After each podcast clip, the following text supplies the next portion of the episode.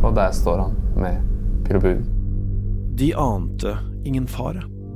De var bare ute og handla eller sto og lagde middag. Plutselig står de ansikt til ansikt med en drapsmann. Vitner har fortalt om møtet med Espen Andersen Bråten i Kongsberg. Og i retten husker han i detalj hvordan han gikk frem. Jeg heter Tor Erling Tømt Ruud, og dette er Krimpodden i VG.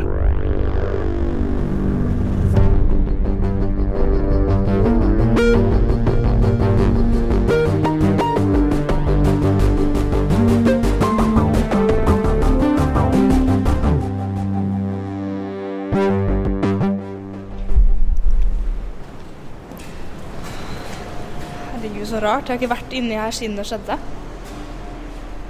Vi er i Kongsberg, på vei inn i garasjeanlegget utafor Coop Extra. Sofie er 25 år gammel. Hun har brunt, langt hår satt opp i hestehale med en svart strikk. Brune øyne med et tydelig blikk. Ved siden av henne så går kjæresten Cæsar Antonio Avadanei.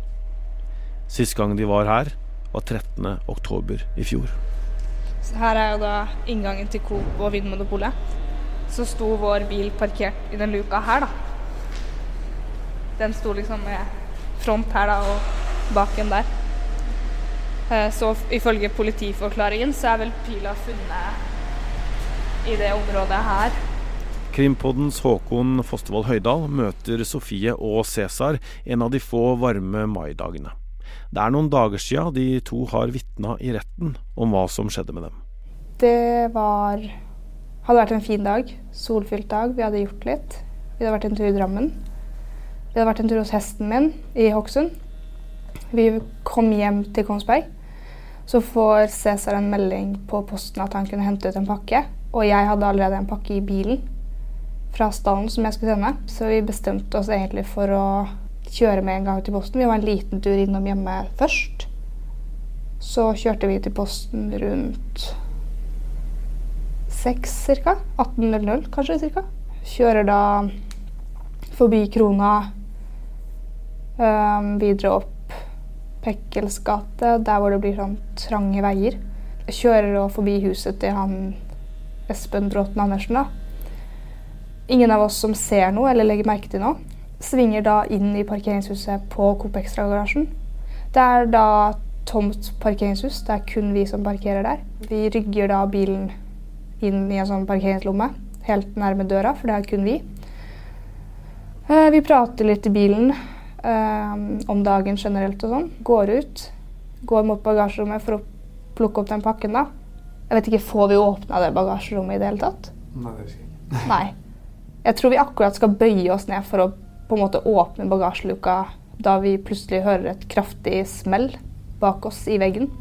Etterfulgt av en metallyd som treffer gulvet. Jeg ser opp og tenker at det er et fuglerede eller en fugl som har falt. Um, og skjønner ikke hva det er. Blir litt sånn, Snur meg litt rundt, og plutselig så ser jeg liksom opp, og da ser jeg han står i garasjeportåpningen.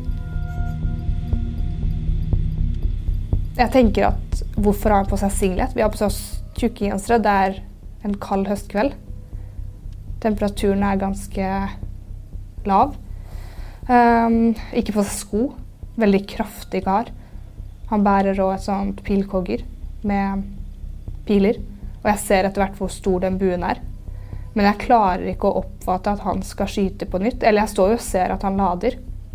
Men kroppen og hjernen min klarer ikke å reagere med at du må flytte deg. Han sikter på deg, Sofie. Du må flytte deg. Jeg bare står med det tomme blikket mitt og ser på han, som har et ansikt som er fylt med raseri, stressa, litt medtatt.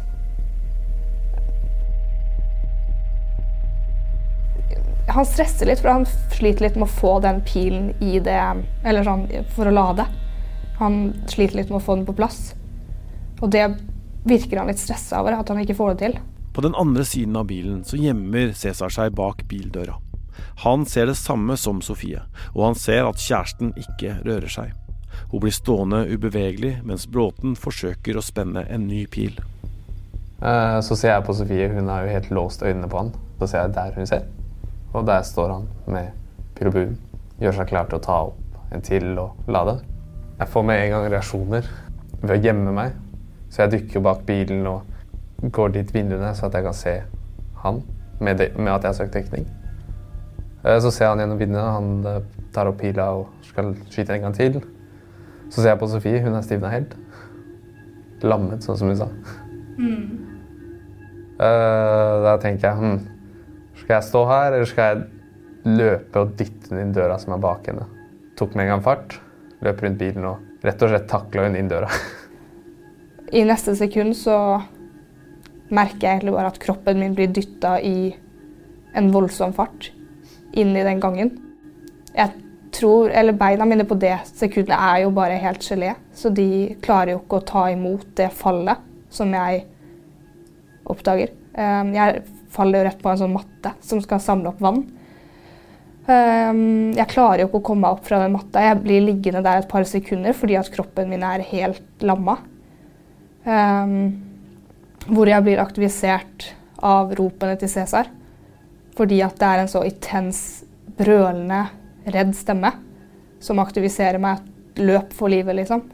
Det, det står om livet ditt, liksom. Eh, hvor jeg da klarer å komme meg på bena og løper inn da mot Coop. Jeg husker jo ikke det da, men jeg hørte av en som var i kasseområdet at jeg gråt veldig. Men jeg husker ikke selv at jeg gråt. Så hører vi et kraftig smell til bak oss. Da roper jeg til Sofie 'løp alt jeg har'. Og vi begynner begge å løpe. Uh, når vi løper forbi kassene på Ekstra, så snur jeg meg rundt og roper høyt det er en kar som skyter. Prøver å advare. Alle ser jo helt Skjønner ingenting hva som skjer. Uh, Sofie løper etter meg, og da tenker jeg bare han bare løper videre. Det går ikke. Jeg kan ikke stå her og begynne å karolere med folk. De må, de må tro at vi er helt dumme. Cæsar og Sofie løper ut hovedinngangen og ut på Nytorget. De stopper ikke å løpe før de er på andre sida av torget. Der gjemmer de seg mens Cæsar snakker med politiet. Jeg sier jo at uh, det er en gal mann, eller kar, som skyter med pil og bue på Coop Extra, nei, Extra Konsberg, Vinmonopolet-butikken. Prøvde å forklare så fort som mulig hvor det var. Uh, og så spør de meg da er det, vet du hva slags pil er, er det et leketøy er. Og jeg vet jo ikke. Jeg bare vet at det, er, det kan være farlig. så jeg svarer at jeg er usikker. Det kan hende, kanskje. Kanskje ikke. De advarer andre som går mot butikken. Så ser de gjerningsmannen komme ut. For da har han Espen Bråten Andersen kommet seg ut på trappa. Uh, og står på trappa da med den hvite singleten sin i sokkelestene og pil og bue. Med bred kroppsholdning og skyter etter den personen der. Han avfyrer tre skudd mot han. Ingen av de treffer han fordi at han personen klarer å løpe i sikkerhet. Jeg tror vi på et tidspunkt ser at Espen tar et par steg fram, og da bestemmer jeg og Cæsar oss for å løpe videre ned mot byen. Mens de løper, ringer Sofie foreldra sine jeg på det tidspunktet klarer ikke å holde meg seriøs. Jeg begynner å gråte i telefonen. Jeg tror jeg gråt fra før av, egentlig. Var så redd. Um, så jeg klarer jo nesten ikke å si noen ting til foreldrene mine. Jeg bare stammer og hakker, så de må liksom roe meg ned i telefonen. Prøver i hvert fall så godt jeg kan å fortelle dem hva som har skjedd. De skjønner jo fortsatt ingenting. De trodde man også lekte med sånn pil og bue, sånn leketøy. Mens jeg snakker med de, så blir vel Cæsar oppringt på nytt av politiet mm. for å videreføre den samtalen de hadde, for den ble brutt. Ehm, jeg får da, etter jeg har lagt på telefonen med moren og faren min, øye på en person som står ved sånn Easy Park og skal registrere bilen sin. Og jeg sier til hun du må bare komme deg i sikkerhet, løp, det er en gal mann som skyter på Coop Extra med pil og bue. Vi ble akkurat skutt mot. Og hun bare ser rart på meg og fortsetter betalingen mens vi løper videre nedover mot sentrum. Mm, ja. Når jeg begynte å snakke med politiet, så sa de at de har sendt mange patruljer. De har fått inn flere meldinger. Når vi løper videre, så kommer det plutselig fem biler opp bakken mot det ekstra. For Sofie og Cæsar så endte møtet med Espen Andersen Bråten her. Men for altfor mange andre så var det nå det begynte. Etter å ha skutt etter flere personer utafor Coop, så kaster han buen fra seg og beveger seg inn mot Hyttegata. Her dør fem personer i møte med Andersen Bråten. For to uker siden så vitna Sofie og Cæsar om det som skjedde med dem. Pilskuddene som Espen Andersen Bråten skjøt mot Sofie, gjør at han er tiltalt for drapsforsøk også mot henne. Jeg hadde jo helst sett at det hadde vært unngått. Eh, spart samfunnet og folk rundt, og ikke minst familien til de som er drept. Det er jo en del av oss. Det er blitt en del av oss. Og får bare prøve å leve med det, liksom. Glemme det. Gjør man jo aldri, men finne måter å komme seg gjennom det på.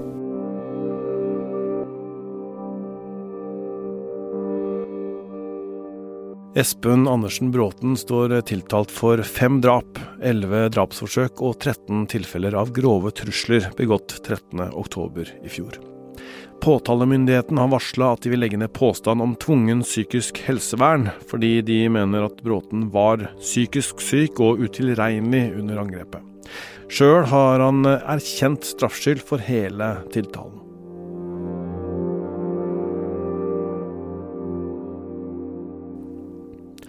Krimkommentator i VG, Øystein Millie. Det kjæresteparet har beskrevet her, det føyer seg jo inn i rekken av det vitner og andre har forklart i retten. Det er jo svært dramatisk, Øystein? Ja, det er eh, beretninger og detaljer som skjærer gjennom marg og bein. Eh, dette hyggelige eh, småhus, trehusbebyggelsesområdet ble jo forvandla til, til, å være skrekkens gate i løpet av eh, noen få minutter den kvelden i oktober eh, i, eh, i fjor. Eh, og vi har jo vært der uh, begge to, Tor Erling, og vi visste jo hva denne saken inneholdt. Og skjønte jo sånn overordna sett hva som potensielt måtte ha skjedd der. Og Eh, det er jo som vi frykta og trodde, og kanskje enda verre enn det, de detaljene som er kommet fram rundt det som uh, utspant seg. For det er jo en, en, rett gate, og det er hus på begge sider som, som ligger etter hverandre. Uh, men innimellom der da, så er det noen portrom, og det er noen hager, bakgårder, og, og inn i husene. Altså, det har kommet fortellinger om folk som har gått rett på gjerningsmannen på gata, liksom. Ja, og det er det som er eh, Problemet her er jo også at sannsynligvis Vi vet at politiet på et tidspunkt kjørte gjennom gata mens han befant seg i området, og da må man jo ha hatt eh, maks uflaks, for da må eh, Andersen Bråten ha vært ute av syne i den forstand at han enten var en, inne i disse husene, eller at han var i en Vi vet at han også bevega seg på baksida, altså i hager og, og gjennom portrom. Altså dette er det er gammel sånn småhusbebyggelse hvor det ligger veldig Altså husene ligger jo egentlig Jeg tror de fleste ligger i, i hverandre. Mm. Altså en rekke, og så er det da eh, ikke noe mellomrom mellom, men det er jo da sånne portrom, eh, gjennomgående portrom, som da leder inn til kanskje et inngangsparti, og så eh, går man igjennom, og da kommer man ut på siden baksida hvor det er et, enten en bakgård eller en hageflekk. Eh, I hvert fall er det noen av de inntrykkene jeg sitter igjen med, med etter å ha gått der da når vi var der. Og, og det um, gjør det jo vanskelig å finne altså Det gjør gjerningsmannens uh, bestrebelse på å ikke bli tatt og ikke avslørt og komme seg unna enklere enn om det var et mer oversiktlig område. Og så er det jo da uh, folk som har fortalt at de har hørt uh, skrik, ikke sant, uh, og, og styrta til, prøvd å hjelpe og gjort ting med livet som innsats, da, mens gjerningsmannen har gått løs. Ja, vi skal komme tilbake igjen til, til, noen av de mest dramatiske historiene der. Og ja, det er det det er. Det er folk som har Uh, utvist et uh, beundringsverdig heltemot, uh, som har satt hensynet til egen liv og helse til side for å hjelpe andre. og det um, Ja, det er ganske sterke Eller ikke ganske, det er ekstremt sterke scener som har utspilt seg, og det er sterke scener som har eh, kommet for dagen i retten også. Tiltalte Espen Andersen Bråten forklarte seg jo tidlig i rettssaken om disse tankene han hadde, som eh, hadde ført ham ut da, med pil og bue og med kniver for å drepe folk. Han sa at han var redd for å bli blind, og for å få og for å bli født på nytt, så måtte han da drepe folk for få en slags gjenfølelse. Eh, men så ville han ikke si noe mer på et tidspunkt i rettssaken, før da i forrige uke, da han fortalte igjen i åpen rett eh, om det han gjorde denne kvelden i oktober i fjor. Ja, det var jo knytta stor spenning til det om han ville si noe mer. For han stoppa jo, som vi husker, uh, sist vi snakka om denne saken, så hadde jeg vært i retten, og han hadde jo da plutselig stoppa uh, å forklare seg. Og så uh, ville han jo da likevel fortelle mer, og han gjentok jo da beklagelsen sin om at han ville beklage til alle som han skjøt en pil mot, og også de som han angrep med kniv, og skulle ønske at alle som var drept, var i live. Uh, og så forklarte han jo da hva som skjedde i Hyttegata, og det var det samme som samme mønstre som det var eh, knytta til, eller som vi så da han forklarte seg om Coop-butikken. Eh, rolig, avbalansert, veldig god hukommelse, sånn som jeg oppfatter det. Eh, og fortalte, ja Samla, rolig, uh, en forklaring. Og um, innholdet var jo rystende. Eh, fordi at vi vet jo at uh, i Coop-butikken så, så, var det ingen som mista livet. Det var noen som ble truffet. Men uh, i Hyttegata så gikk det jo, uh, gikk det jo så mye, mye verre. Han fortalte i detalj da hvordan han begikk disse drapene 13.10. Han forsøkte å ta seg inn flere leiligheter. noen var låst. han fant til slutt da en åpen dør og gikk inn der og, og begikk det første drapet med en lang kniv. Og han snakker jo også om og dette er jo opprørende uh, å høre, uh, bare så det er sagt, og, og folk er, er advart. Men, men, han forklarer jo da om hvordan han under et av drapene tok en pause for å, å gå ut på kjøkkenet og ta seg et glass vann. Uh, og det fikk jo også forsvareren hans, Fredrik Neumann, til å, til å si det alle tenkte og, og følte sterkt på, nemlig at dette er ekstremt sterk kost å høre for retten. Uh, og så er det det å si at det er viktig på mange måter og på mange hensyn at uh, detaljene og informasjonen om de grufulle ugjerningene som ble begått i Kongsberg 13.10 i fjor, at de kommer frem og blir belyst, uh, sånn at vi får så mange svar som man kan i hva som ligger bak en så forferdelig handling. Og så er stedet for detaljene, da i drapene, det er jo rettssalen. Det er ikke det som Og vi pleier ikke på en måte formidle alle detaljer fra, som blir fortalt. Det gjør vi jo ikke her heller. Uh, så det blir jo en uh, avveining. Og vi, uh, vi har jo ikke Det er bildemateriale vi har holdt tilbake osv., og, og, og det er vanlig videomateriale. og det, det vurderes fortløpende. og Sånn er det i alle saker. Det er detaljer vi ikke gjengir. Og så er det ulikheter mellom mediene av og til, sånn at man kan jo stusse da, selvfølgelig, men det handler jo rett og slett om fordi at dette er ikke noe fasit. Dette er uh, individuelle vurderinger som gjøres av uh, redaktører og journalister ut fra veldig mange hensyn. og det er jo Vær varsom-plakaten og presseetikken som ligger i bånn for det. Men Bråten selv hadde en god hukommelse, som du sier. han, han er jo Eh, politiet, påtalemyndigheten, mener at han er utilregnelig. Altså en, eh, han er syk, men, men, husker dette godt, da. Ja, det gjør han, og det er ikke noe motstrid der. Eh, det, det handler jo om hans psykiske helse, og de, han er jo vurdert grundig. Og, og, de mener jo at han er strafferettslig utilregnelig. Så skal det sies at det er sånn at retten avgjør dette her. Det er, ikke, det er ikke de rapportene fra de eh, ekspertene på, på psykiatri som, som, ligger til grunn for en dom, men eh, det ligger jo i korta. og Jeg ja, skal ikke ta det, si det helt sikkert, men jeg kan ikke huske noen sak hvor, hvor eh, domstolen har kommet til et motsatt resultat. Vi husker jo 22.07-rettssaken. ikke sant? Breivik, ja. ja da, og Der var det jo først eh, noen eksperter som mente at han var utilregnelig, og så ble det gjort en ny vurdering som kom til at han var tilregnelig, og så ble han jo da eh, kjent strafferettslig tilregnelig. Men uh, Kongsberg, Bråten fortalte også om selve pågripelsen, at han blei tatt til slutt. Ja, det gjorde han. Og det var jo også en dramatisk hendelse. Veldig dramatisk hendelse. Han uh, De kom jo Politiet kom jo etter han eh, i enden av Hyttegata mot det portrommet som vi sto, og det var akkurat der vi var hvor pågripelsen skjedde. Um, og der kommer det da Der kommer Bråten inn i Andersen Bråten inn i en, en han kaller det en tunnel, men, men, det er jo da en uh, gjennom... Hva heter det? En gjennom... Ja. Noe, kjøreport. Ja, kjøreport. Oval. Ja, eh, ja, ja. som uh, leder inn i bakgården til et boligkompleks. Og der uh, kaster han jo da kniv mot en av dem. Ikke, med, ikke, med, full kraft, sier han. Og så tror jeg nok de som ble kasta mot, opplevde det på en litt annen måte, kanskje. Men han løper mot en dør, og da skyter jo politiet et varselskudd. og så faller Bråten om og overgir seg. Og så er det jo da politimannen som pågriper han, sier at du forsøkte å drepe oss, du er pågrepet. Du på, forsøkte å, å, drepe oss, din jævel, tror jeg han sa.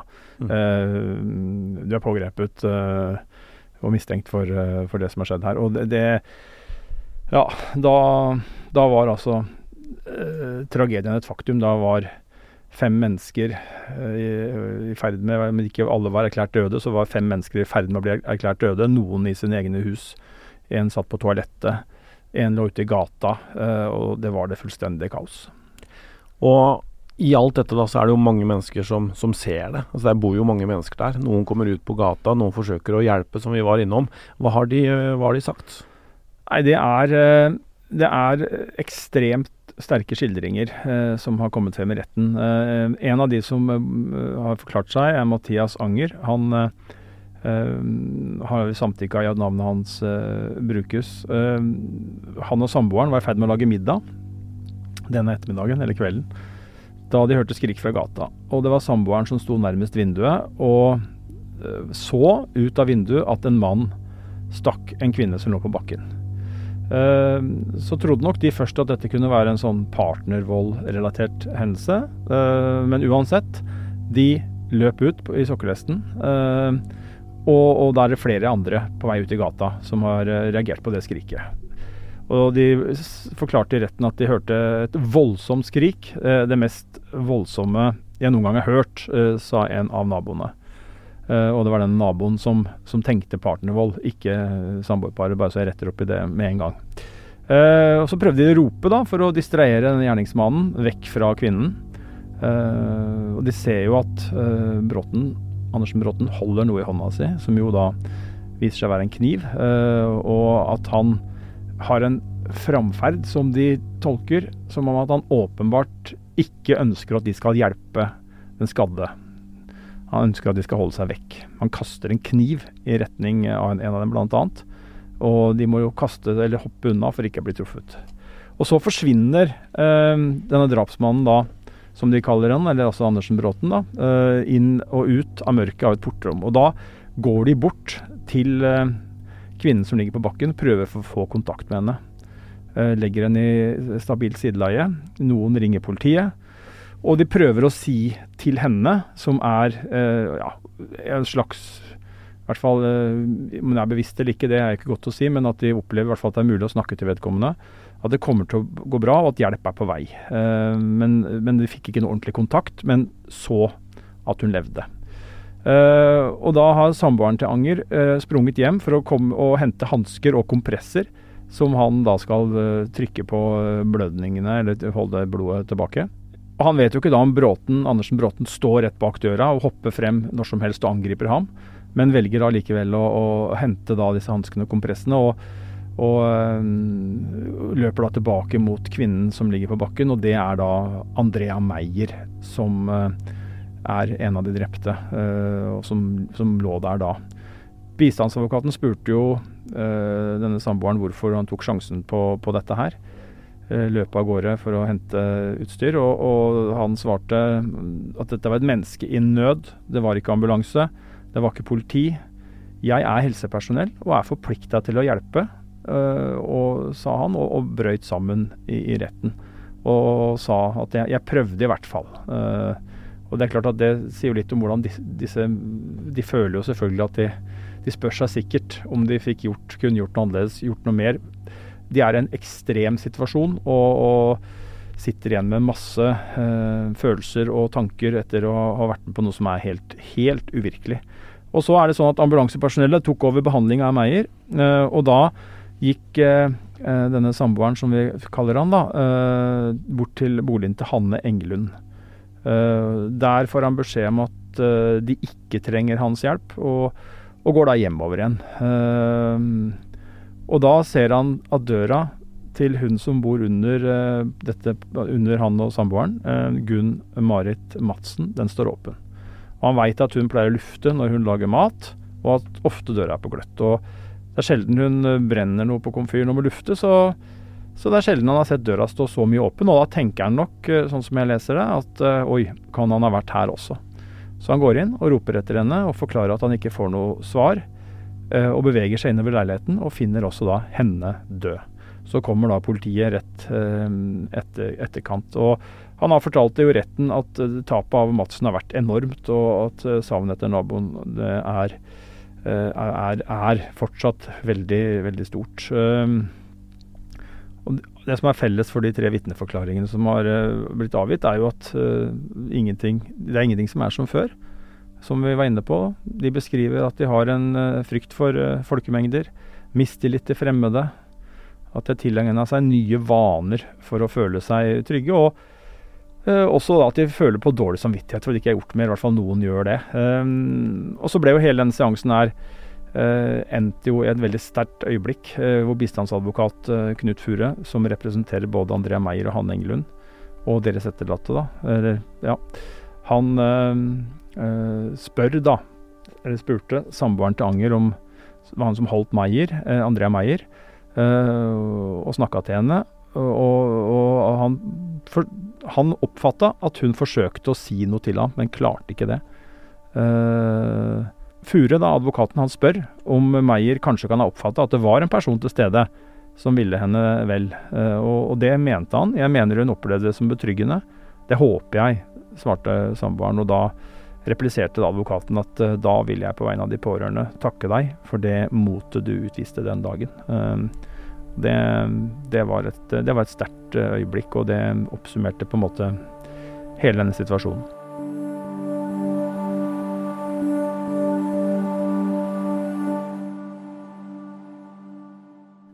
Vi har jo sett uh, bildene inne fra Coop-butikken, der uh, gjerningsmannen går i en hvit uh, singlet. Han har på seg et belte der, med, med, der koggere med piler henger. Han har på seg en bukse, men at han går uten sko. Han går bare i sokkelesten. Hvorfor gjorde han det? Nei, Vi har sett disse videobildene, videoopptakene av i butikken hvor han sklir rundt på sokkelesten, og tenkt at det er jo rart at han gikk ut uten sko. Men på spørsmålet fra Neumann om hvorfor han ikke tok på seg sko. Så svarte han at, han, eh, at de som overvåka leiligheten, ville ha innhente han om han tok de eh, på seg. Uh, og så sier jo det uh, I hvert fall jeg tenker jo at det er jo en ulogisk uh, ting å både tenke, mene og si, men, men det er noe sånn det er. Og det er jo kanskje med på å illustrere noe av denne saken, da, om, om, om, når man tenker noe sånt. Ja, han følte seg vel veldig overvåka? Ja, han forteller at han er helt sikker på at, han, at det ble fulgt med på, at han mistenkte naboene for å, for å kikke på han. Uh, og han tok opp vinduene, så for luftet så syntes han at han hørte mennesker som gikk forbi og skreik. Uh, huseieren, naboene, mente han uh, kunne overvåke ham. og hvis han gikk på butikken, så trodde han noen fulgte etter ham. og, og dersom han gikk til kjøkkenet, så um, kom noen fra etasjen over og, og banka i gulvet, trodde han. Så, så det er uh, og, og, det som jo er, er, et faktum, er jo at han har jo levd isolert. Uh, vært veldig mye og lenge inne i leiligheten. Uh, og det har vært mørkt og lite dagslys. Så det har liksom vært en ond spiral her, da, som har utspilt seg. Da dette skjedde, så, så kom det jo raskt fram at uh, Espen Andersen Bråten hadde konvertert til uh, islam. Uh, og vi kalte ham jo konvertitten her, her i VG også. Mm. og han sa også at disse angrepene Han sa det i første avhøret at dette var jihad, mm. altså islamsk hellig krig. Eh, og nå, da, når vi sitter liksom med mer, mer, fasit, hva slags rolle har islam hatt i dette her?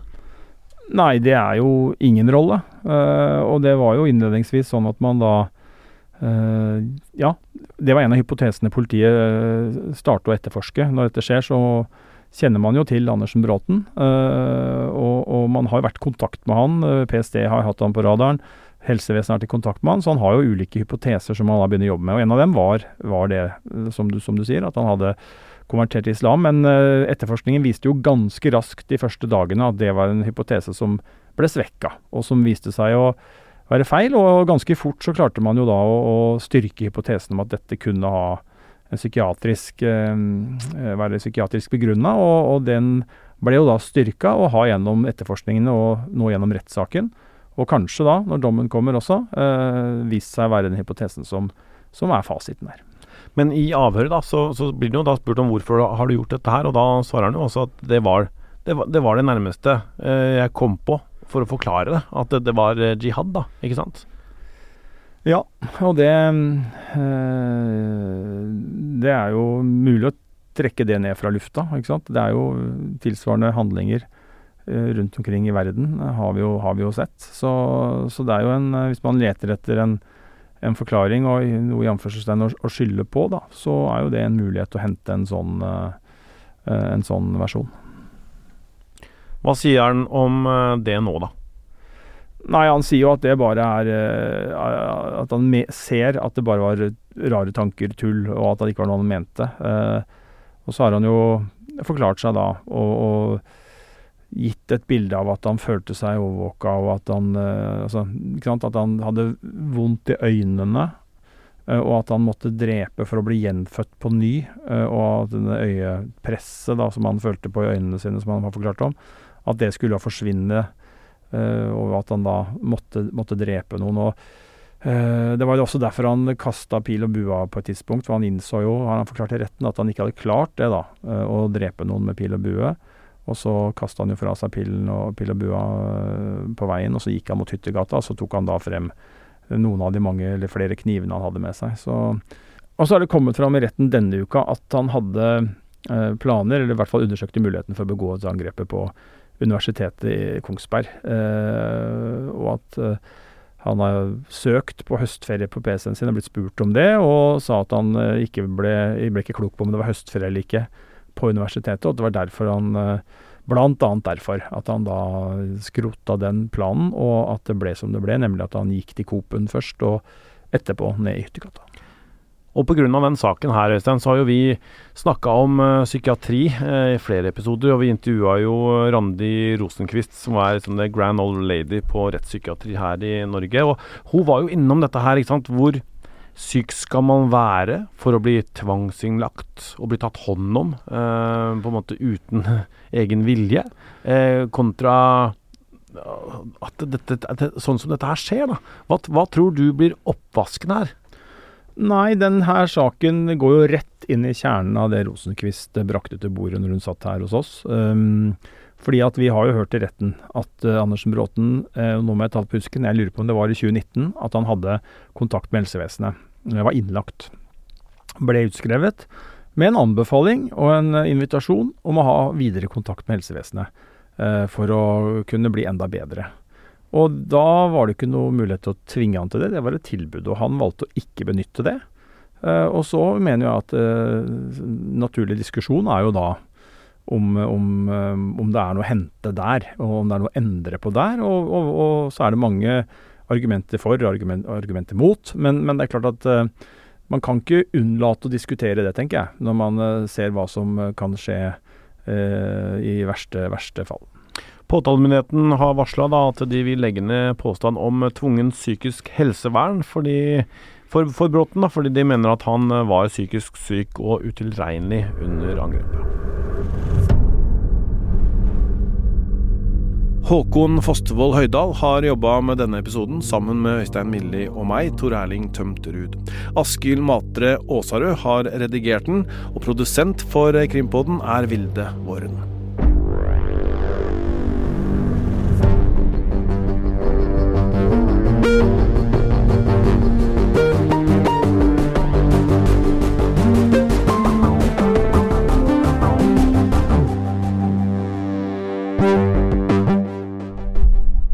Du har hørt en podkast fra VG.